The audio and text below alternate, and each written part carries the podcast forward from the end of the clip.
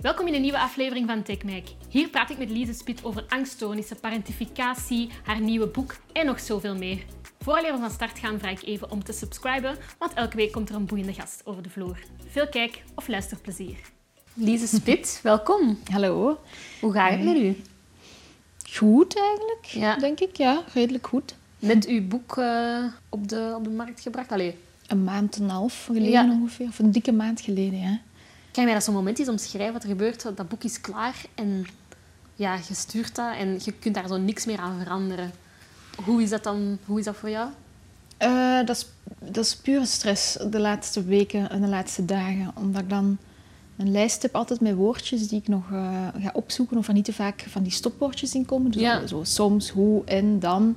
Dus ik zit echt tot de allerlaatste seconde. Ik zeg dan tegen de uitgeverij van ik stuur het door tegen morgen. En dan zit ik echt nog tot vier uur s'nachts in een document op zoek te gaan naar als en alsof en dan en hoe. En dus ik zit echt tot op de allerlaatste seconde nog dingen aan te passen. En dan stuur ik het door en dan voelt dat niet als een verlossing eigenlijk, maar eerder als een, als een tekortkoming. Van Ja. shit, ik heb nog zoveel niet over het hoofd gezien en zo. En, ehm, ja, en dan heb je, nadat je die eerste versie inlevert, heb je nog een persklaarmaker die naar, het, naar de roman kijkt. Dus iemand die de fouten, de, de chronologische fouten kijkt of alles klopt, alle namen, alle straatnamen. En daarna gaat er nog een corrector overheen. Dat is iemand die echt de typfouten en de zetfouten eruit haalt. Dus eigenlijk, als je het eenmaal hebt ingeleverd, heb je nog wel een klein beetje respijt of zo. Ja, ja, ja. en dan, als het dan eenmaal naar de drukker gaat, ja, dat is wel eh, bijzonder. Maar dan Ja. Blijft het toch, vanaf dat je een boek, allee, vanaf dat boek er is, ik durf ik het eigenlijk niet openslaan uit schrik om dan meteen een fout te zien staan of zo. Of Ja. meteen iets te zien staan dat beter kon. Dus ik vind dat meer stressvol, zo'n eh, boek afwerken, dan dat dat echt zoiets van wauw. Ja. eh, laat de champagne maar knallen. Ja. zo, zo voelt dat toch Dat is niet. wanneer dat de, dat de eh, verkoopcijfers eh, eraan komen, dat dan, dat dan wel de champagne mag geknald worden. Ja, ja, ja, dan, als het dan heel goed loopt, is dat wel fijn. Ja. Ja, je, bent, je behoort wel toch echt tot het selecte krantje van vrouwelijke schrijfsters. In België toch ook eh, fictie. Mhm. Was dat een moeilijke, een, een, ja, een, in, in welke mate was dat een brekende keuze om daarmee echt je, je brood te gaan, eh, te gaan verdienen? Goh, dat was geen berekende keuze. Ik heb nooit zoiets gehad van en ik wil graag een, een, eh, een bekende schrijfster worden. Het was meer, ik wilde schrijven. Ik heb een boek gemaakt bij een uitgeverij die heel klein was, die eigenlijk met crowdfunding opge- opgestart is. Terwijl ik bij hen mijn boeken uit, ging brengen. Dat mag, uitgevers. En ineens is dat eh, ontploft en is dat een heel groot succes geworden. Maar ik herinner me dat ik vroeger zelf aan de academie studeerde en dat er een docent was die zei er zijn maar vijf schrijvers in België die van hun boeken kunnen leven. En dat is Herman Brusselmans, Christine Embrechts en die had dan zo eh, Tom Landois ook. Ehm, en inmiddels is daar Giet op de Beek ook bijgekomen natuurlijk. Die heeft ook een ontzettend groot publiek. Maar dat ik dan een van die paar schrijvers zou zijn die daarvan zou kunnen leven, dat was echt... eh, ik had dat nooit gedacht. En dan nog, ja, ik heb nu twee boeken uit. Voor hetzelfde geld is dat bij het derde boek ook alweer gedaan. Hè? Want het is niet vanzelfsprekend dat je je publiek houdt. Dat zijn ook mensen die Ja. afhaken of boeken die minder, minder goed gelezen worden. Dus dat is ook niet iets dat ik nu verworven heb of zo. Dat is gewoon per boek kan dat gebeuren dat je zo'n publiek hebt. Ja, er zat wel vijf jaar tussen. Ja. Is dat, een, is dat omdat je graag je tijd neemt? Of omdat je eigenlijk... Ja, ik hoorde ook van dat je, zo, dat je direct naar foutjes of, of stopwoordjes gaat zoeken. Is dat het, het perfectionisme in jou? Ja, zeker. Ik heb eigenlijk altijd het gevoel dat ik de diepste band heb met de boeken die ik niet schrijf. Dus ik heb een soort van verhaal ehm, wat ik graag wil vertellen, wat er vaak een soort van ehm, ingebed is in iets persoonlijks. En dat leeft dan al jaren met mij mee. En dan heel langzaam groeit daar een boek uit, personages, een, een setting, een, een kader, een, een, een plot. En als ik dat dan helemaal uitwerk, heb ik toch nog altijd het gevoel dat het nooit helemaal is of nooit zo volledig is als dat ik zou willen. Ja. Maar je kunt geen volledig boek... Allee, je kunt iets niet volledig opschrijven. Je moet iets allesomvattend opschrijven. In de zin dat je soms wel vijf eh, hoofdstukjes of vijf anekdotes zou willen vertellen om iets te duiden. Bijvoorbeeld om duidelijk te maken, mijn personage heeft dat karakter. Er kunnen vijf voorbeelden geven, maar de lezer heeft geen vijf voorbeelden nodig. De lezer heeft er maar eentje Ja. nodig.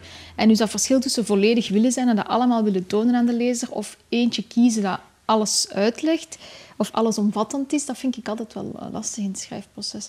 En eh, ja, was dat een beetje een antwoord op Ja, absoluut.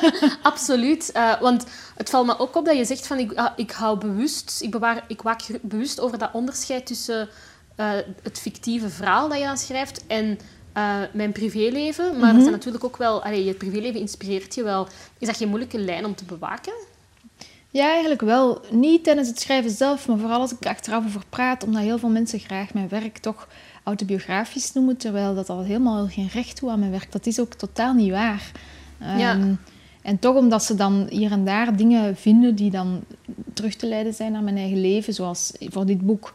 eh, ik, ik leef ook in Brussel, ik ben ook een jonge vrouw, dus dan hebben ze al heel snel, zien ze daar ehm, overeenkomsten in, terwijl ik echt, ik heb totaal niet het gevoel als iemand, eh, ik ben er niet leest en het personage Leo leert kennen, dat ze dan mij eh, leren kennen. Deel, Ja. Een heel klein deeltje van mij, maar totaal niet. eh, en ook niet eh, als ze Simon, het, de, de partner van, van Leo, leren kennen, dat ze ook niet een van mijn partners kennen of zo. Ja. Dat is echt niet het geval. Maar nog over die vraag van die vijf jaar, want ik, dat wordt vaak gezegd, want het heeft vijf jaar geduurd. En eigenlijk is dat lang, maar ook weer niet, vind ik. En ik was best wel perfectionistisch, ja. Omdat ik heel de tijd dacht, het moet beter, het moet beter. En, en Waar komt dat vandaan? Mm, ja, ik denk dat ik dat op alle vlakken eigenlijk wel heb. Dus gewoon het idee, het kan ook altijd beter. Hoe langer je aan iets werkt, hoe beter het soms ook wordt in je eigen ogen. Niet per se in de ogen van de mensen die het voor de eerste keer gaan lezen. Ehm, Ik heb meer het gevoel, als ik nu kijk naar mijn teksten van vorig jaar, dan vind ik die eigenlijk niet goed. Maar op het moment zelf ben ik daar wel tevreden mee. Maar ik voelde dat op dat moment dus, dat ik, dat ik daar... Dat ik een jaar geleden dan zo gezegd, dat ik niet beter wist. mm, En dat ik gewoon gegroeid ben in mijn, in mijn schrijven. Maar jij denkt op het moment zelf echt van... Het moet nog beter en ik wil dat woordje niet te veel laten voorkomen en die dingen. Dat is meer bij jou dan... Maar de schoonste cadeau die je eigenlijk kunt, kunt hebben, of een heel groot deel van wat je beter maakt als schrijver, is ook de afstand tot wat je schrijft. Dus ik kan nu columns van vorig jaar teruglezen en echt zo dubbele woorden zien staan en denken, allee, hoe heb ik dat nu niet gezien? Dus heel vaak zouden eigenlijk voor elk boek een jaar de tijd moeten nemen om dat te laten rusten en dan na een jaar opnieuw te, te bekijken.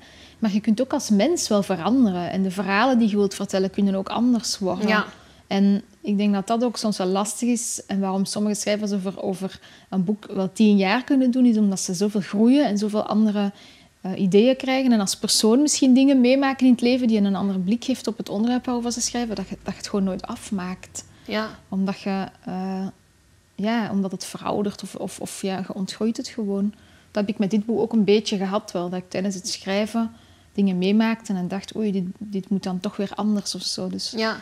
Eh, Dus best- toch de invloed van je privé op je, op je schrijfproces is wel echt aanzienlijk dan. Mm, ja, goh, ook nu niet echt hoor, want zo- zo'n boek kan ook wel een houvast zijn. Als alles om mij heen verandert, eh, is dat ook wel iets dat hetzelfde kan blijven. Ja. Ik ben de afgelopen periode, toen ik schreef, ben ik verhuisd, is mijn relatie stuk gegaan. Eh, en dat boek was wel een soort van eeuwige, een eeuwig ding dat daarin aanwezig is gebleven. Een van de enige dingen die hetzelfde bleven, want alles, al het andere werd anders eigenlijk. Ja. En ja, mijn vrienden waren er ook nog in mijn familie. Maar dus ik heb me daar heel erg aan vastgeklampt. En toen ik dat boek afmaakte, een half jaar geleden, was dat ook emotioneel, omdat ik besefte, van, ah ja, dit is heel lang mijn een veilige haven geweest, ook wel, die ik nu loslaat. In die hele periode van, waarin alles veranderde. Dat vertrouwen, dat vertrouwde. Ja, Ja. echt dat vertrouwen. Dat is een vertrouwd domein. Ook al heb ik daarmee geworsteld met dat boek en ook al was dat soms eh, ja, echt iets dat mij wel naar beneden duwde ook. Dat idee van ik moet het nog afmaken en de uitgeverij wacht erop en het is niet goed genoeg en mensen gaan, gaan het niet goed vinden. Zo. Maar toch was dat ook een vertrouwd terrein. Zelfs dat getwijfel over dat boek was ook een vertrouwd terrein. Ja, soms zijn negatieve gevoelens zo vertrouwd dat wanneer er iets positiefs komt, dat je zo... Allee, dat ervaar ik toch, dat je dan het negatieve bijna mist, omdat dat ook een soort van, ja, een veilige haven is. Ja. Ik vind dat iets geks. Ja, ik snap dat wel. Zoals dat sommige mensen liever in een slechte relatie blijven, omdat ze schrik zijn voor wat er gebeurt als ze eruit stappen. Zo angst, angst voor het Onbekende. onbekende, dus dan nog liever vasthouden aan het, eh, aan het bekende, zelfs al weet je dat het minder goed is als het onbekende. Ja, als persoon met autisme-spectrumstoornis heb ik dat heel fel. Mm. Bijvoorbeeld toen we weggingen uit Brussel. Ja, ik vond dat een... Ik vond, dit was voor mij echt een, een, een betere omgeving, maar ik voelde me toch niet op mijn gemak, omdat ik zo de, het drukken en constant onder spanning staan dan in Brussel, dat ik dat bijna miste. Dat is een heel... Ja, dat is Ja. bijna cognitieve dissonantie, zo. Ja, ja. Ja. Dus eh, dat ervaar ik ook. Want wat je zegt van mijn relatie was dan ook stuk gelopen. Is dat dan voor jou ook niet dubbel? Omdat je dan enerzijds, ja, je moet ook afstand nemen van dat vertrouwde, maar ook, ja, perfectionisme het is niet gelukt. Hoe ga je er dan mee om? Mm, ja, ik heb wel echt een gevoel eh, van falen eigenlijk, moet ik zeggen. We waren twaalf jaar samen. Ehm, en ik, heb, ik, heb, ik ben degene die de beslissing heeft gemaakt om met elkaar te gaan, maar ook niet uit... Ik was niet... Allez, het lag niet aan het gebrek aan liefde of zo. Ik voelde gewoon dat er in die relatie dat we een beetje scheef gegroeid waren. En ik, was, ik, ik deed heel erg aan parentificatie. Dus dat wil zeggen dat ik mij als, bijna als, als verzorger uh, in die relatie uh, gedroeg. En ik vond gewoon, ja, ik was dertig. Ik had het gevoel van, zo, zo kan, allee, ik had misschien het gevoel dat ik mijn partner toen nogal klein hield daardoor. Dat, dat, dat, ja, ik heb die keuze eigenlijk echt voor ons allebei gemaakt. Omdat ik voelde dat, dat als, dan nog, als we nog 30 jaar zouden samen blijven, zouden we... Ik zag ons niet onderuit die, die rolverdeling komen. Maar hij heeft me wel heel veel verdriet gedaan. Ik heb daar eigenlijk nog altijd... Dat is nu twee jaar geleden, deze maand ongeveer, twee jaar geleden. Maar ik heb daar nog altijd wel... Hoezo verdriet dan? Ja, verdriet omdat, ik, omdat, ik, omdat dat iemand was met wie ik... Ja, dat was mijn thuis en dat was mijn beste vriend ook. En uh, dat was niet dat, dat ik niet van hem hield niet meer. Het was gewoon dat ik, dat ik dacht van, dat we allebei meer zouden groeien als persoon. Of, of, of ja, dat we zonder elkaar misschien meer zelfrespect ook zouden hebben terug. Of zo. Of iets zouden ontdekken in onszelf. En, dat is heel rationeel. Allee, dat lijkt me een heel rationele zienswijze op die, op die relatie. Dat je daar ook echt... Ja, getuigt ook van zelfinzicht. Iets wat heel veel mensen ontbreekt. Ja, misschien had ik ook wel een overdreven gevoel van zelfbewustzijn daarin in die relatie op de duur. Dat, dat het... Uh, ja... Maar ook is dat iets... Dat is niet dat ik dat zo rationeel altijd verwoord of zo. Maar ik, voel, ik voelde wel... Ook de rol die ik kreeg, wat maakte me niet meer altijd gelukkig. Gewoon de rol van de, de ja, bijna moederfiguur. De persoon die, die thuis... Uh, ja, ik, ik hield bijvoorbeeld niet van uitgaan. Ik hield niet zo van van het onverwachten of zo, maar ook omdat dat juist in die relatie de, de rol was waarin ik beland was of zo. Ja, ja, ja. ja, ja. Degene die, die, uh, die de controle houdt of zo. Ja. En op den duur ja, was ik echt ook heel moe en ik, en ik, ik, uh, ik nam heel erg veel verantwoordelijkheid tot ik op een bepaald moment ja, gewoon echt niet meer gelukkig was. En dan lukte mij dat ook niet meer om die rol glansrijk te spelen. Ik denk dat het daar is beginnen mislopen, dat ik echt te moe werd en te leeg werd om dan nog om die rol waarin ik was geduwd, om die goed te doen, zonder frustratie. Ik denk dat dat ook ging over zelf... Allez, ik cijferde mezelf ontzettend weg voor die relatie. En dat je op een bepaald moment toch een soort van boosheid begint te voelen van... Uh, van, allee... Uh, Wie ben ik? Ja, ja, en dat de ander een beetje kwalijk neemt. Dat die, dat die, dat, ook al is dat een patroon waar je allebei in zitten maar goed, het is, het is, um, voor mij is dat wel... Mijn leven was zo vervlochten met die persoon en zo. Dus het blijft wel um, lastig. We hebben geen contact meer en zo. En we hebben allebei een, een, een, nieuwe partner en zijn opnieuw begonnen. Maar voor mij is dat, is dat zo... Ja, zit dat zo diep in mijn leven, vervlochten ook. Dat samen zijn, dat ik dat nog altijd heb. Bijvoorbeeld als ik iets moois meemaak of, of, iets, of iets nieuws koop voor mezelf, dat ik dat ook altijd dubbel nog wil kopen, om dat ook in zijn leven te, te aan te brengen. Ik koop bijvoorbeeld een zacht dekbed en dan denk ik, oh, ik zou er graag een nog eentje kopen en dan naar hem opsturen en dat hij ook in zijn leven nu een zacht nieuw dekbed dus heeft. Dus echt nog altijd die rol, een stuk, ja, die rol. Alsof er in mijn hart is er echt een soort van... Dat was echt een deelfunctie van, van mijn bestaan, was echt zorgen voor die persoon. Ja. En dat ging heel ver. Hè. Dat ging zo ver dat ik op restaurant bijvoorbeeld altijd eerst keek wat er op de kaart stond dat hij lekker zou vinden. En dan pas keek wat vind ik lekker. Of dat ik in gesprekken altijd rekening hield met... Heeft hij iemand om mee te praten? Dus ik had altijd een soort van één oor luisterde ik naar wat hij aan het doen was. En met één oor had ik een gesprek met de persoon met wie ik praatte. En als ik zo voelde, oei, zijn gesprek valt stil, dan ging ik hem daar eventjes een vraag stellen of dat gesprek mee helpen op gang trekken. Dus dat was op alle niveaus was ik voortdurend bezig met zijn welbevinden. En, ja. en hoe komt dat, dat je, dat je eigenlijk jezelf bijna op de tweede plaats uh, stelde? Um, ja, dat is niet iets waar dat die persoon om vroeg of zo. Hè. Dat is iets wat in mij ingebakken zit, want ik heb nu een, een, een, een andere partner en daarbij doe ik dat ook. Ook al is die 25 jaar ouder. Ja, ook al is die 25 jaar ouder. En hij is daarin wel iets strenger dat hij, die, dat, hij dat niet toelaat dat ik dat doe. Ja. En dat is wel een, een...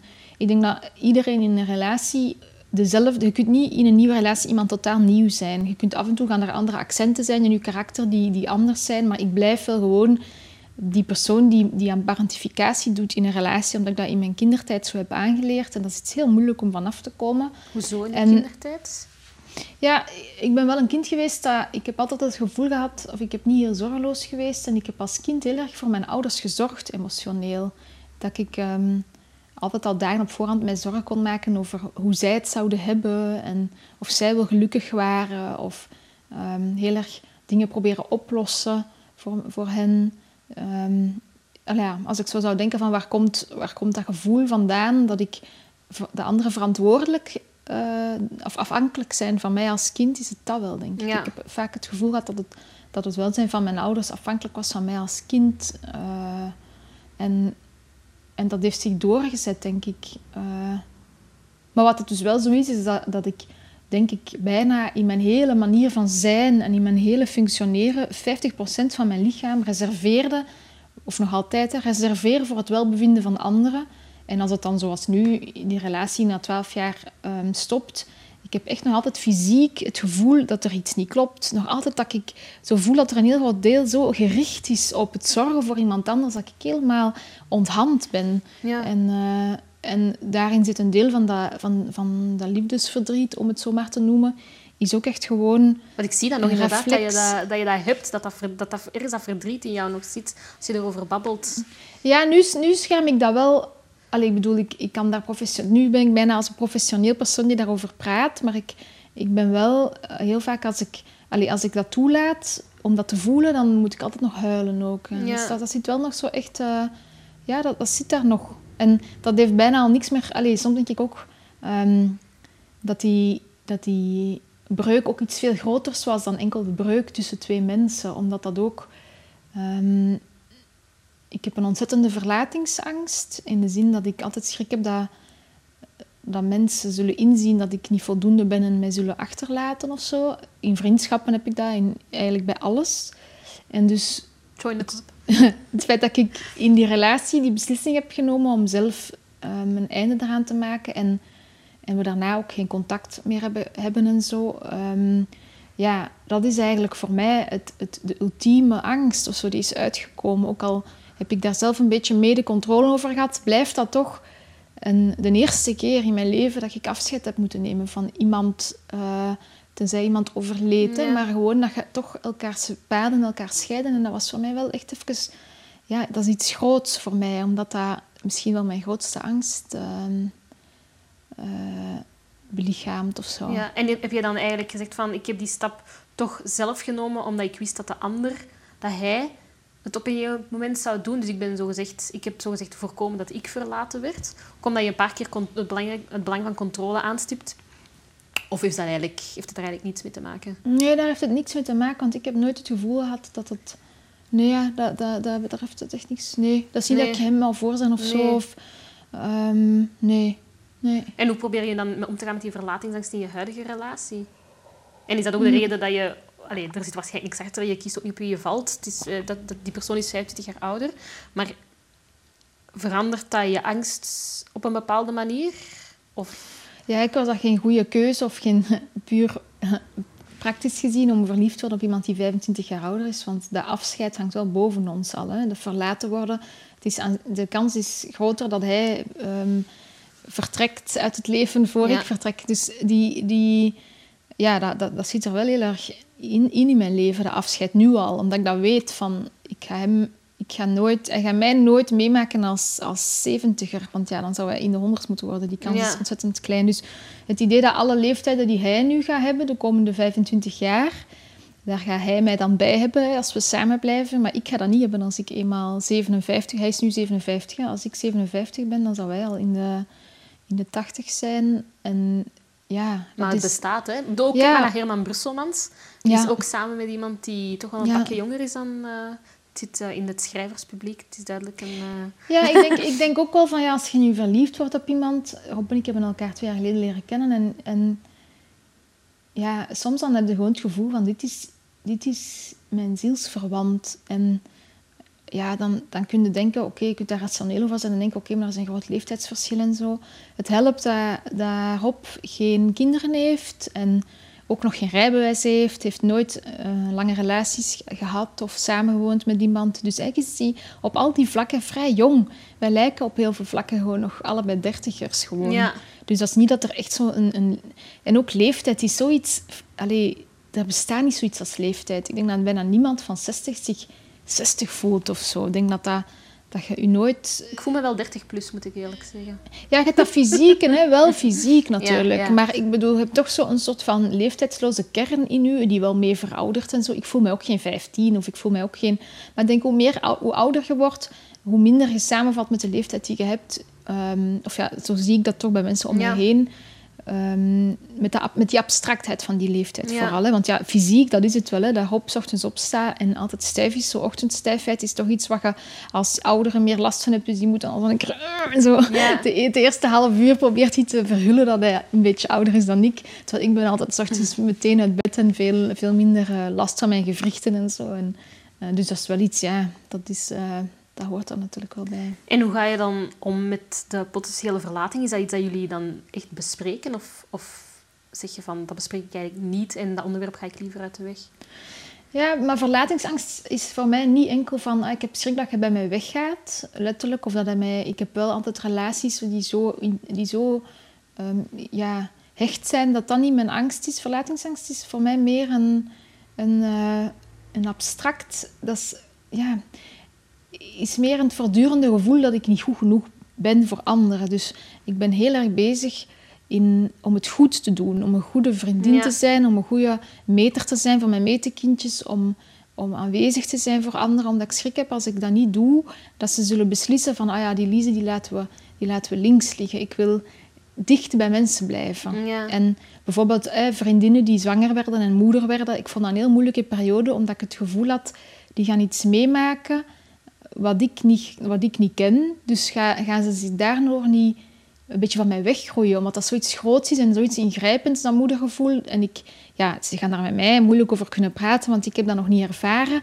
Dus daarin zit dan meteen zo, als zij dan zeiden van we zijn zwanger, vond ik dat fantastisch voor hen. En toch ook overviel me dan een soort van verdriet uit angst van shit, misschien verliezen we elkaar. Ja. Ik kan bijvoorbeeld heel erg, als ik met mensen gesprekken voer, bijvoorbeeld, hou ik dat heel erg bij dat, dat we evenveel aan het woord zijn, bijvoorbeeld. Ja. Zodat de ander niet zou denken, amai, Lise die heeft veel over zichzelf gepraat vandaag of zo. Ik probeer heel erg, denk ik, voortdurend om de ander ehm, een goed gevoel te geven, zodat die ander mij associeert met iets goeds. het is moeilijk ik- het is gewoon eng om te horen, want ik herken heel veel van mezelf. Ja? Daarin, wat ik heel vaak doe, bijvoorbeeld als ik eh vrienden op restaurant ga, ik voel altijd de neiging om te betalen. Of zo, ik trakteer. Mm. Terwijl dat helemaal niet... Ik wil dan, zo, dan heb ik zoiets van, nu gaan ze mij zeker dan leuk genoeg vinden. Maar Ja, ja, dat, allee, vriendschap is, niet te, is natuurlijk niet te koop. Toen me daar een beetje aan denken, zo echt dat in functie van een ander eh, iets willen doen, eh, ben je dan ook... Ben je, zou je dan zeggen dat je min, in minder mate in touch bent met jezelf? Of toch nog wel, maar gewoon... Je vindt het moeilijk om jezelf op de eerste plaats te zetten. Ik ben, als ik, vanaf dat ik in relatie sta tot anderen, vind ik het heel moeilijk om te denken, wat wil ik zelf? Ik weet heel goed wat ik wil en ik heb een heel stevige kern, denk ik. Maar die verdwijnt op het moment dat ik in een verbintenis kom met een ander mens gewoon. Dan Ja. is het, als iemand aan mij vraagt, waar heb je zin in om te eten? Gewoon, als ik dat voor mezelf mij moet afvragen vanavond, dan kan ik daar meteen op antwoorden. Maar als je met twee bent en de ander vraagt, wat zullen we eten? Dan heb ik meteen een stemmetje in mijn hoofd dat zegt, ja, wat wil de ander? Ja. Ik heb heel vaak met Rob in een relatie nu dat hij aan mij een vraag stelt en dat ik dan antwoord, ah ja, nee, maar zeg maar, wat wilde jij? En dan zegt hij, nee, ik vraag het aan u. Ja. En dan denk ik, ah ja, maar wat wil ik eigenlijk? En ik weet dat dan niet. Ik ben echt een soort van blanco, echt zo één alles overstemmende tuut, omdat ik eigenlijk alleen maar denk, zolang de ander maar gelukkig is, zolang de ander Ja. maar gelukkig is. Want ik heb zo het gevoel dat als iemand in mijn aanwezigheid zich niet goed voelt of ongelukkig is, is dat voor mij... Daarop, falen. Ja, daarop bouw ik mijn geluk. Maar als daar niks... Allee, ik bouw eigenlijk van mijn ge- gevoel van ik voel me goed op de ander zijn gevoel. Dus als ik zie iemand anders voelt zich goed, dan kan ik ook beginnen mij goed te voelen. Ja. Ik ben daar heel ehm, sensitief voor, denk Ja. ik. Jij En bent ook dus- een heel gevoelig persoon, hè? Ja, toch wel. Dat is nu raar om dat voor zelf te zeggen, maar ik denk het wel eigenlijk. Ja. Eh, Ja, ik voel is- dat toch zo aan eh, uit, uit, uit ons gesprek. En probeer je daar iets aan te veranderen? Of heb je eerder vrede genomen met dat aspect en zeg je van, ja, dit is wie ik ben? Eh, of probeer je ook echt wel meer aan jezelf te denken en beslissingen te nemen in functie van jezelf? Wel ja, ik ben, ik ben eh, ongeveer twee jaar in gedragstherapie daarvoor. En dat is ehm, soms ook wel gewoon een zaak van, van aanvaarden dat dat zo is. En dat ik gewoon bepaalde patronen heb, heb ontwikkeld om stand te houden in het leven. Mm. En dat, dat dat mij ook veel moois opbrengt. Dat dat niet alleen maar ehm, lastig is. Maar het is wel zo dat ik heel veel energie kwijt ben aan voortdurend die vraag. Aan het pleasen van mensen en mij afvragen of het wel goed genoeg is. En de, de therapeut die zei ook van ja, dat zijn gewoon mensen die op een bepaald moment beslissen dat ze dat er niet meer voor over hebben. Dat ze zich toch meer focussen op, op zichzelf en zich minder de hele tijd richten op anderen. En er zijn mensen die dat heel hun leven volhouden. En er zijn mensen die dat halverwege gewoon leeg zijn van energie, die gewoon in elkaar klappen. Dus het is een beetje de vraag van, kan, kan ik dit gewoon volhouden qua energie? Ga, ga, ik- ga ik de energie hebben om dat te blijven doen? Want ben je al eens in elkaar ge- geklapt dan? Dat je echt... Mm. Want je hebt ook medicatie genomen, hè? Nee? Ja, ik heb wel drie jaar geleden, eh, eigenlijk het jaar voor mijn relatie eindigde, heb ik een, een, een soort van milde depressie gehad. Ook omdat ik gewoon echt het, het... Ja, toen was ik wel echt leeg gegeven. Was ik echt op. En ehm, ik heb daar pas na een jaar of zo hulp voor gezocht. En dan heb ik iets Amai. van medicatie gekregen. Maar het nadeel is dat, dat ik... Of het, ja, dat, dat hielp in het begin, maar op een bepaald moment... ehm, waren die, die neveneffecten toch te, te negatief. Heb ik daarmee gestopt. Maar nu ben ik eigenlijk sinds twee weken terug met medicatie begonnen. Eh, Antidepressiva ja, terug? antidepressiva. Maar meer, dat is niet per se... Ik heb geen echte depressie in de zin van dat ik fysiek geen energie heb en niet meer Nee. kan eten of zo. Maar het is wel zo dat ik zo veel negatieve gedachten heb, dat ik soms niet meer goed kan functioneren daardoor. En die negatieve gedachten zijn er echt als een soort van reactie op, ehm, op angst eigenlijk meer. Dus ik, eh, dat is een soort van mechaniekje dat er in mij is gegroeid. Als ik denk, oeh shit, dat ik meteen alles negatief begin te denken. Dus dat je niet meer het pad ziet, maar altijd de beren op het pad. Om Ja. Uit een soort van controle ook. Eerst al het negatieve bedenken en dan langzaamaan... eh waardoor ik het gevoel heb dat geluk momenteel... Of dat ik, ik... Ik ben niet ongelukkig eigenlijk. Ik heb wel dat ik besef wat ik allemaal heb in het leven. Dus ik prijs mezelf, ik prijs mezelf gelukkig, dat is het. Ik prijs mezelf gelukkig, maar ik ben het niet altijd. Dus ik zeg wel elke dag tegen mezelf van ik heb een lieve partner en ik heb een mooie woning en ik heb een, een succesvol beroep. En waarom zou ik zo negatief moeten zijn? Maar mijn basishouding of de, de, de, de gedachten die er in een reflex komen, zijn wel heel negatief. Die zijn wel echt van de wereld is om zeep, ik ben een niksnut. Eh Rob gaat dan doodgaan en dan blijf ik alleen. Ik lig dan s'nachts heel de hele tijd voor te stellen hoe het zou zijn als, als hij doodgaat in zijn slaap. En hoe, dat dan, hoe ik dan s ochtends Ja. opsta. En of ik dan zijn bril laat hangen of niet. Of wat moet ik daar dan mee doen. En zo Ja. voortdurend echt helemaal in het negatieve gaan. Alleen En ook maar... echt in detail. Ja, echt in detail. Alles met voor al het negatieve helemaal uitplannen. Ehm, eh, ik heb zelfs als ik bijvoorbeeld mijn Twitter-account open doe en ik zie dan dat ik daar bijvoorbeeld 20 meldingen heb, dan denk ik meteen van shit, ik heb iets verkeerd gedaan en het is ontploft en ik ga nu door het stof moeten gaan en ik heb het zo echt altijd negatief. Ik denk dan niet vanzelf van, oh joepie, er is misschien iemand die mijn boek leuk gevonden heeft en 20 mensen hebben dat dan ook leuk gevonden. Nee, ik denk meteen, oh nee, ik heb iets fouts gedaan, ik heb gefaald. Ehm, en dat zit eigenlijk op alles, alles, op alle niveautjes, voortdurend. Bij vriendinnen denk ik, eh, dan stuur ik een sms'je naar vrienden en als die dan niet reageren, dan denk ik meteen, oh nee, ik, ik heb, dan wil ik me bijna gaan verontschuldigen van, heb ik iets fouts gezegd of zo. Dat Terwijl, heb ik ook heel veel. dan ga ik die berichtjes herlezen om te ja, zo echt, en dat kost me zoveel energie en, en op den duur, ja, ben, zijn die gewoon op. Ik heb dan gewoon Ja. dat ik tegen de avond gewoon, oh, dat ik echt denk, zet me uit. Ja, Ik wil gaan slapen en dan slapen lukt heel slecht, want ja, in bed gaat dat gewoon door. Hè. Ik, heb, ja, ik heb heel vaak eh, slapeloze nachten. En, en, dus het is meer, het is, het, is, het is niet dat ik echt een, een medicatie krijg voor een depressie, maar wel voor eerder depressieve gedachten en een angststoornis eigenlijk eerder. Eh, ik ook. Ik neem, al, eh, neem al tien jaar antidepressiva. En ik begin nu wel zo te voelen dat dat, dat, dat, min, dat, ja, dat, dat minder zijn, zijn werk doet of zo. ah, ja.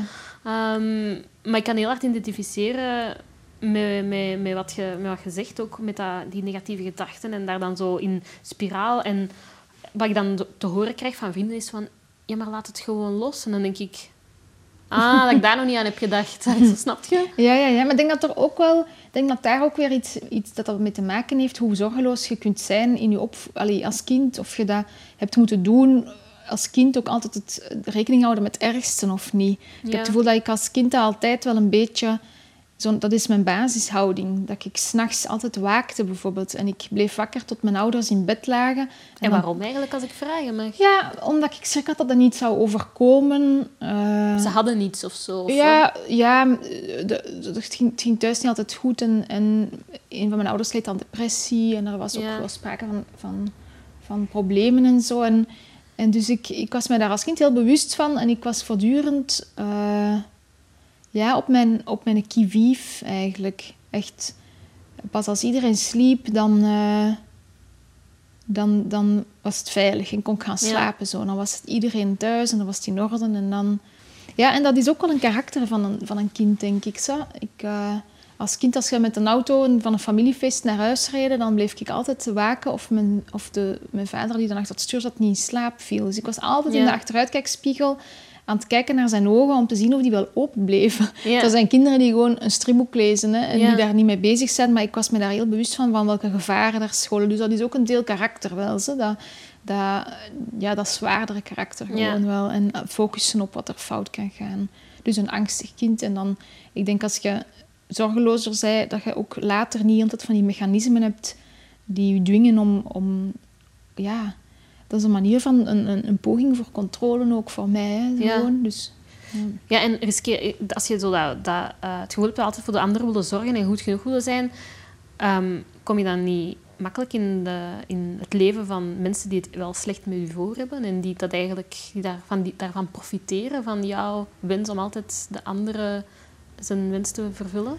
Mm, oh, dat valt eigenlijk wel mee. Ik heb echt het gevoel dat ik omringd uh, goed omringd ben door vrienden. En ik heb ook wel gewoon al heel lang dezelfde vrienden. Ik, heb, ik maak zelden nog nieuwe vrienden eigenlijk. Zo af en toe komt er nog iemand bij of zo. Of, of breidt het zich een beetje uit. Maar ik heb echt zo'n... Een, een... Of in partners. Dat kan ook, dat je dat in partners zoekt. Ja, ik denk dat ik wel een goede radar heb of zo daarvoor. Ik heb wel al mensen tegengekomen waarvan ik voel, ah ja, nee, die willen niets van mij en ik wil dat niet teruggeven. Zodat je zo voelt van dat geven en nemen. Dat kan je wel de grens aan stellen. Ja, dat, ja, daar kan ik wel de grens aan stellen. Ik, ik voel me dan wel makkelijk ook... Um, allee, dat, dat, dat, dat gevoel van heel erg zorgzaam zijn ontstaat ook maar bij mensen voor wie ik echt heel... Of ja, nee, ja, ik weet het niet zeker, want... Maar ik heb gewoon misschien geluk gehad in mijn leven. Dat ik gewoon nog geen mensen echt ben tegengekomen die... Of ja, ik weet het niet. Ik weet het eigenlijk niet. nu denk ik ineens aan een paar mensen en denk ik... Ah ja, misschien heb je wel gelijk. Misschien oh laat ik soms wel over mijn grenzen gaan. Ik oh weet God, het eigenlijk niet goed. Even tussendoor, ik heb dat een paar keer al gezegd. En dan denk je niet dat zo toxisch dingen. En dan zie je sommige mensen echt zo hun gezicht trekken. Van... Ah ja, shit, ik ken wel zo iemand die het slecht Misschien moet ik dat niet meer doen. Die vraag Ja, dat is eigenlijk wel grappig, want nu denk ik ineens, ah ja, ja, er zijn wel toxische relaties. Met mijn ouders heb ik geen goede relatie en dat is ook geen evenwichtige relatie, maar daar reken ik niet mee als de, de relaties die je nog kunt veranderen of zo. Dat is, dat is nu zo en je, en je probeert daar het beste van te maken. En ik heb ook al al vriendschappen gehad die zijn afgelopen omdat ik gewoon voelde van er is iets niet in evenwicht. Ja, dus zeker, maar ik heb eigenlijk geluk gehad. Ja, ik, ben me, ik ben me afgelopen maanden beginnen verdiepen in narcisme. Hmm. Wauw, echt. Daar, uh, daar, ik heb daar ook echt verschillende variaties in. En, en, en het is een spectrum. En er zijn echt veel mensen met narcistische trekken. Dat is echt heel eng. En je denkt dan vaak direct aan Trump-types. Maar je hebt heel veel mensen die daar zo... De kwetsbare narcist die eigenlijk heel, heel onzeker en verlegen lijken, maar waar dan, toch een hele manipulatieve kant onder uh, achter schuilt. Heel creepy. Echt heel creepy. Ja, ja eigenlijk zo'n boeken, dan, dan, dan neemt uw mensbeeld ook... Allee, je positief mensbeeld ook af. Ik heb thuis ook zo'n boekje over narcisme gelezen en... Ik heb één persoon in mijn dichte omgeving die, die heel duidelijk aan narcisme lijdt, maar ik ben ook niet daarin veroordelend, want ik vind dat vooral ook erg voor de mensen die aan narcisme lijden. Dat is heel, heel vervelend. Hè? En dat is ook geen keuze. Hè? Dat is niet dat die dat is ook een, een, een deformatie in je opvoeding Ja, of in je... klopt. Of als je als kind in de eerste maanden eh, on, on- onveilig gehecht bent. Dus ik heb daar eigenlijk vooral ook mee te doen met narcisten, eerlijk gezegd. En zoals met Trump, oké, die heeft ontzettend veel... ehm, dat is echt zo'n schoolvoorbeeld van een Ja. narcist. En die narcistische woede waarin hij ontvlamt. En gewoon het onvermogen om toe te kunnen geven dat hij verliest. Omdat hij gewoon echt zichzelf eh, verliest als hij Ja. dat toegeeft. Hè. Dus ik, ik ben absoluut geen Trump-voorstander. Maar ergens denk ik ook, oh please... Och, ga bescherm die man tegen Ja. zichzelf. Die is ook echt gewoon ja, ziek eigenlijk. Ja. Hè? Dat is, Ja, maar eh, toch, ja, ik begrijp wat je zegt. Hè, of, nu, of het nu gaat over narcisme of borderline. Of, ja, mensen zullen dat misschien bij mij ook hebben als autist, dat ik soms iets doe of zeg dat niet strookt met de normen of de verwachtingen. Ik heb al zoiets van toxisch is toxisch. En als het, zo, als het een Mhm. negatieve impact heeft op mij, dan voel ik wel de nood om mij daar te van te distancieren. Gewoon ter zelfbescherming. mhm. Ja, dat snap ik wel. Je moet niet uit medelijden voor een ander eh, jezelf helemaal eh, de grond laten inboren. Ja. Of zo. Als je echt met iemand manipulatief te maken krijgt. Want hoe, heb jij dat dan ook al? Je zegt van, ik heb daar dan iemand in mijn directe omgeving. Heb je daar dan, heb je daar dan ook last van? Of, of, of laat je dat gewoon niet zo ver komen dat je... Ik laat dat denk ik niet zo ver komen. Maar ik heb dat ook nog maar door daarover te lezen, dat, ik dat, ineens, dat, dat, dat je dat ineens een beetje beter begrijpt. Want je hebt dat scheldwoord narcist, narcist hè, terwijl Ja. dat wordt eigenlijk altijd fout gebruikt. Dat is een shame disease Dat is ook, een- hè? Wat is dat? Een heel harde shame disease. Dat dat zo een, een, ja, een, een, een scheldwoord is, zoals eigenlijk homo ook als scheldwoord wordt gebruikt. Maar eigenlijk is dat echt een, een ziektebeeld. Ja, ja, ja, dat is echt zo. En ook wel best gevaarlijk, omdat dat bijna niet te behandelen valt. Je Nee. kunt daar bijna niks aan, aan doen. Dus eh, Heb je zelf ooit een of andere diagnose gekregen? Of was het gewoon echt angststoornis bij, bij, bij jou? ik ben toen ik net in Brussel kwam studeren, op mijn achttiende, ben ik ook een tijd lang in behandeling geweest voor een angststoornis. En daar had ik wel een gegeneraliseerde angststoornis. En Ja. toen heb ik ook al, dat was eigenlijk de eerste keer, want dit is de derde keer dat ik daar medicatie voor krijg. Dat was ehm, toen gedurende twee jaar of zo, heb ik daar echt heel erg mee geworsteld. Maar dat is wel, daar ben ik wel wat uitgeklommen uit die angstperiode. Dat is knap. Ik heb, ik heb, ik heb toen ja, eh, Xanax heel lang genomen en zo. En ehm, ik heb wel nog altijd als ik... Alleen, nog altijd heb ik... Altijd als ik ergens ga, heb ik wel nog hulpmiddelen. Stel dat ik een angstaanval krijg, ik heb altijd iets van medicatie bij voor als dat gebeurt. Maar eigenlijk het feit dat ik dat bij heb, is vaak al een, een, eh, een hulp. Het idee van het bestaat. Of ik, als Ja. het erg wordt, dan heb ik een verlossing of zo. Dus... eh, ja, en soms komt dat terug naar boven wel. Maar ik had heel erg de angst om gek te worden ook in die periode. En wat ik dan deed was of blind of doof. Of, dus ik ging dan in het station altijd ehm, de treinborden lezen om te checken of, ik, of mijn zicht niet achteruit ging. Maar dan koos ik die, die treinborden echt veel te ver weg. En dan, die ik eigenlijk sowieso niet kon lezen. En dan dacht ik ineens, shit, ik word blind. En dan schoot ik in paniek. En dat moet ik ook echt afleren nu in stations, om niet de hele tijd mezelf te testen en uit te dagen. En niet te denken van, hoor ik, ja. hoor ik dit goed? Zie ik dat wel goed? Ben ik hier gek aan het worden? Heb ik vreemde gedachten? Eh, Dat testen, zo de grens gaan opzoeken. Ja. Ja, dat, dat is iets... eh, ja, dat is ook heel klassiek bij angsten. Hè. Dat draait alles om controle. ja, Ja, en je kan daar ook zo... Het is mooi dat je daar heel open over kan praten. En ja, het is ook eh, verweven in, in je boek, hè, het thema van psychische problemen. Is het jou echt jouw, doel ook om dat meer bespreekbaar te maken? Goh, het is een mooi, een mooi, een mooi ehm, neveneffect van mijn werk, denk ik. Het is niet dat ik denk van ik ga eens een boek schrijven om dat taboe te doorbreken. Het is meer omdat bepaalde dingen zich in mijn leven voordeden en ik daar dan weet dat ik daar heel goed over kan schrijven en dat ook heel juist kan doen. En dat dat een diepgang geeft aan mijn werk ook, want het gaat natuurlijk om meer dan enkel mensen die psychisch... In, in mijn eerste roman, In het smelt, zat iemand met een dwangneurose, een personage. En in dit boek zit er iemand ehm, die aan manische depressie lijdt en ook eh, een psychose krijgt. Dus dat zijn wel, ja, dat zijn wel zware thema's, maar ehm, ik denk dat het over meer gaat dan dat. Bijvoorbeeld mijn tweede boek gaat ook echt over liefde en over hoe lang je, of hoe, hoe sterk eh, liefde ook kan zijn en hoeveel liefde ook kan eh, Ja. mensen samenhouden en zo. Dus ik wil niet zo die, per se die stempel krijgen van de schrijfster die over psychische kwetsbaarheid schrijft. Nee, want nee. elke stempel die je opgestempeld krijgt, is eigenlijk een beperking of zo voor wat je nog kunt. Dus Ja. ik, Ik, eh, En dat is het eigenlijk ook helemaal niet, want vaak als, je, als het gaat over hooggevoeligheid, ehm eh, willen, ja, de anderen willen pleasen en, en heel zorgzaam zijn, die dingen, ja, je bent heel bewust van de negatieve effecten, maar je, zei het zelf eerder al in dit gesprek, er zijn, is ook wel degelijk heel veel positieve kanten aan, aan, verbonden. Ehm, dus, dus ja, inderdaad, de stempel kan eh, beperkend werken, maar denk dat je ook net zo goed bewijst dat dat, dat, dat niet is. Snap je? Ja, en ik denk ook dat eigenlijk niemand normaal is. Iedereen, iedereen heeft wel iets van een, een worsteling. Daar geloof Ja. ik echt in. Oké, misschien zijn er een paar mensen die dat niet hebben. En, of die komen ooit nog in hun leven eens iets tegen of zo. Of die moeten ooit nog heel erg gaan rouwen. Of ik weet het niet. Maar iedereen is in rouw. Iedereen heeft wel iemand verloren. Of heeft ergens wel iets van verdriet. Of, Of een stukje Ehm, van zichzelf verloren. ja, of een stukje van zichzelf verloren. Of, of dat, dat helpt ook al om zo om je heen te kijken als ik, als, als ik buiten kom. Ik had, toen ik zelf voor de eerste keer die relatie na twaalf jaar stuk ging, besefte ik ineens op straat, keek ik rond en ik besefte, amai, dat is de eerste keer in mijn leven dat ik echt diep liefdesverdriet heb. En iedereen maakt dat mee een keer in zijn leven, toch minstens. En ineens voelde ik toch ook een soort van, ja, een, een gevoel van niet alleen te zijn daarmee. Ook al Ja. praat je dan niet per se met iedereen op straat of zo, maar ik besefte ineens van, amai, mensen maken toch nogal wat mee in hun leven. En dus die stempel van... eh, ik ben zelf ook niet zo per se bezig met diagnoses. Of van, ik ben ook niet op zoek naar diagnoses voor waar, waar ik dan aan zou lijden of zo. Ik denk ehm, dat het ook gewoon gaat om niet oordelen over elkaar en ook niet over jezelf. Dus niet... eh, soms is een diagnose ook echt lastig om te dragen hoor. Als je zo'n stempel krijgt van, ah ja, jij bent dus iemand eh, psychotisch of zo, of jij Ja. bent iemand depressief, is best wel lastig om. Allee, ik vind dat zelf, nu ik. Of ja, ik zou dat zelf lastig vinden om, om dat te horen van. eh, je bent een depressief iemand, want ja, Ja. dan ligt dat ook zo. Of je wordt dat dan ook of zo. Ja, en ook allee, bij mij op mijn diagnosepapier van toen, toen ik 14 was, dat Magali gaat altijd begeleiding nodig hebben om te kunnen functioneren in het leven. En dat is een heel een harde stem. En ja, je gaat je daar ook naar gedragen. Dat creëert zo een... Dit is wie je bent en, en ja, los het nu maar op, zo snap je? Mhm, mhm. Dus ik begrijp helemaal wat je wilt zeggen.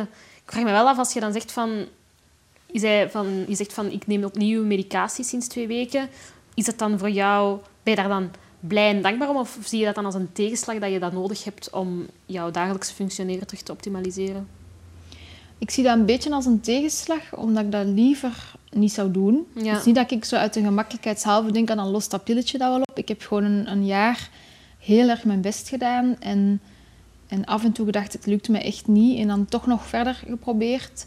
En eh, nu na een jaar denk ik ook, oké, misschien kan ik gewoon nu een klein duwtje in de rug gebruiken. Ja. Gewoon. En ik heb nu een andere medicatie dan, een half, allee, dan anderhalf jaar geleden. En ik, ehm, en ik, ja, ik weet het niet. Ik vind dat niet, ik vind dat nu niet zo. Ik ga dat niet met gemak over ook. Ik voel ook veel nega- fysieke negatieve effecten. Ik moet bijvoorbeeld heel veel plassen. Ik weet niet, het Ja. kan, maar echt om het kwartier moet ik gaan plassen.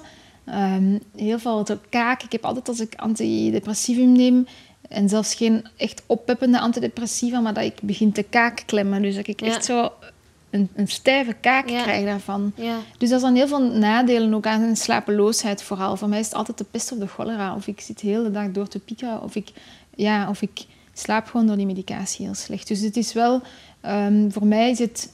Het is niet zo'n makkelijkheidshalve, want er komt ook heel wat bij kijken. En ook het uitstellen van een kinderwens eigenlijk. Want ze raden dat ook wel eigenlijk af om zwanger te worden als je antidepressievum neemt. En ik wil eigenlijk graag eh, over niet al te lange tijd een gezin stichten. Of toch alleszins proberen om een kindje te krijgen en zo. Dus ik, ik vind het... eh, ja, het, het is er en, en ik ben blij dat het bestaat. En, en ik heb ook een hele goede eh, dokter die mij begeleidt en zo. Ja. Dus ik zie het een beetje als falen en ik zie het ook een beetje als een, een, een, een opluchting of zo dat het bestaat. En dat ik het niet alleen, alleen moet, moet. Dat is het eigenlijk meer. Dat ik dan denk, ah, nu sta ik er eventjes niet alleen voor. Als die medicatie werkt, hè, want ik ben nog maar tien dagen bezig nu en dat moet wel nog zich zetten. Hè. Je Ja. moet eerst even doorheen een lastige periode, allee, in mijn geval misselijkheid en zo wat draaierigheid en zo. En dan hoop ik over een week of zo eindelijk een beetje de positieve effecten te voelen. Ja. En denk je niet dat met corona, dat er nu nog meer mensen ja, zullen grijpen naar enerzijds eh, therapie, wat een goede zaak is voor alle duidelijkheid die niet dan nodig is, maar ook medicatie? Denk je niet dat we daar een ja, soort van golf. Ik durf het woord bijna niet meer te gebruiken, maar dat we, daar, dat we wel een golf in gaan zien. Ja, ik denk dat wel. Ook omdat het makkelijk wordt voorgeschreven. Um, te gemakkelijk, denk je? Goh, ik kan daar niet over oordelen, want dan zou ik dan misschien bij mezelf ook zeggen dat het mij te gemakkelijk werd voorgeschreven. Ik denk dat een voorwaarde is om medicatie te nemen, is dat je ook in, in therapie gaat. Je kunt niet enkel denken met een pilletje los ik het wel op. Je moet ook echt wel soms praten over hoe je je voelt of, hoe, of, of, of een keer beslissen of uitspreken wat je wilt veranderen. Waarom je zo, welk patroon je wilt doorbreken of zo. Want heel vaak is, is, is uh, een depressie ook een, een, ja, zit daar een verhaal achter ook. Hè? Het is niet enkel het gevoel. En um, ja, het is ook een lastige tijd hè, met die klimaat. Is, helemaal geen som Allee, het is er een vrij somber vooruitzicht met die klimaatproblematiek en zo. Als je dat aantrekt, zoals in mijn geval wel is, heb ik echt het gevoel alsof we met z'n allen recht op een muur aan het aflopen zijn. En ik voel mij soms heel onmachtig. Dat ik zo denk van, jongens, wat zijn we aan het doen?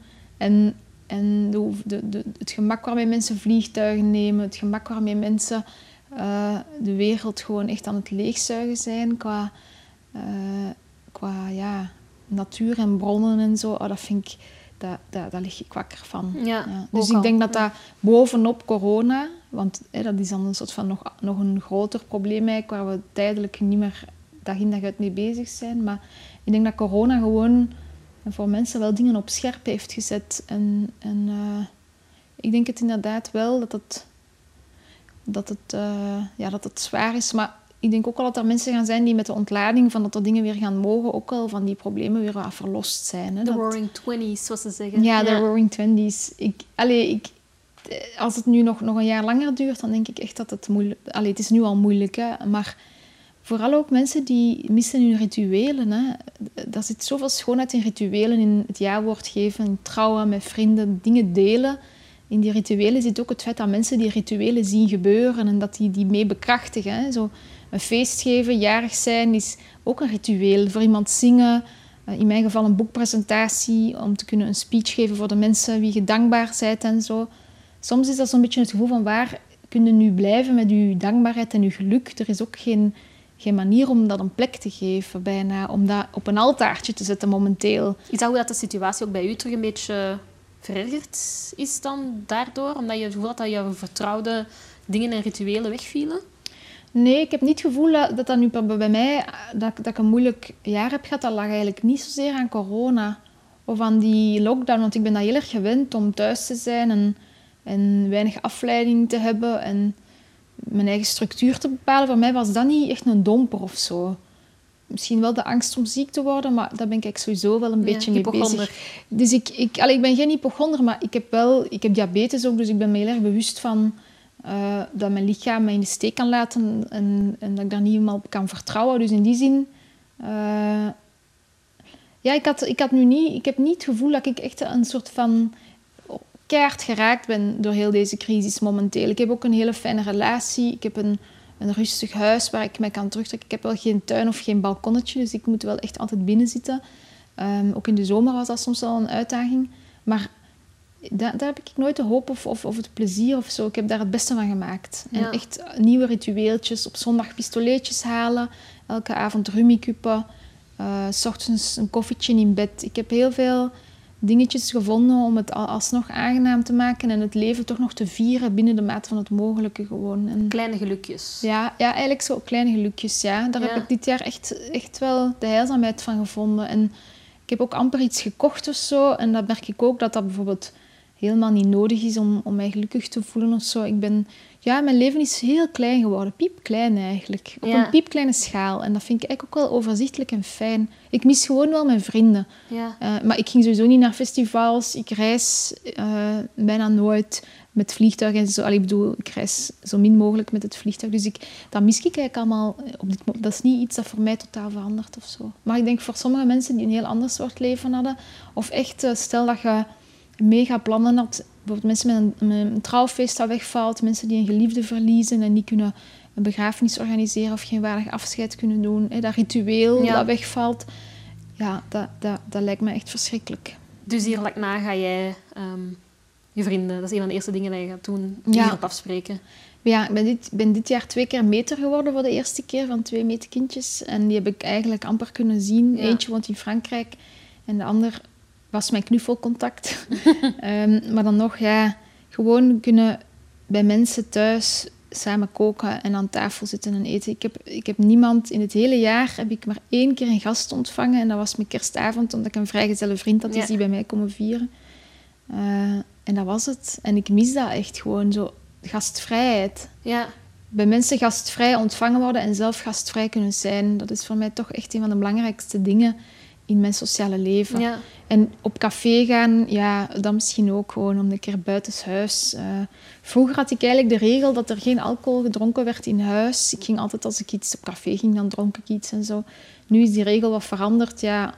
En drink ik wel een cocktail als ik eh Jeremy Cup speel of zo. En Ja. dat, dat maakt ook wel dat het... Dat ik, kijk er wel naar uit dat het terug de horeca open is en dat ik ook wat terug wat meer een afbakening kan maken van wat gebeurt er buitenshuis en wat gebeurt er binnenshuis. En Terug je eigen weg vinden. zo. ja, echt terug mijn eigen weg vinden. En het eerste wat ik denk ik ga doen, is een koffie gaan drinken. Ergens gewoon binnen in een koffiehuis, zodat je aan een tafeltje plaatsneemt en een koffietje bestelt. En dat ze dat komen brengen. En dat je tussen andere mensen die je niet kent, een koffie kunt drinken. Ja. Dat zijn zo kleine dingen, maar dat, daar genoot ik altijd heel erg van. En dat heb ik sinds het begin van, van vorig jaar nooit meer gedaan. Omdat ik ben heel erg voorzichtig geweest. Dus ik ben zelfs nooit binnen ergens geweest waar andere mensen waren in een gesloten ruimte of zo. Dus daar kijk ik wel echt naar uit. Als corona voorbij is en ik kom naar Brussel, dan gaan we een koffie drinken. Ja, heel graag. Lijkt me heel gezellig. Ja, bedankt Lise Spit om helemaal naar hier te zijn afgezakt voor dit fantastisch leuke gesprek. Dankjewel. Heel graag gedaan. Merci. Hè. En that's a wrap. Volgende week ben ik weer van de partij met een nieuwe aflevering in podcast of YouTube vorm. Tot dan!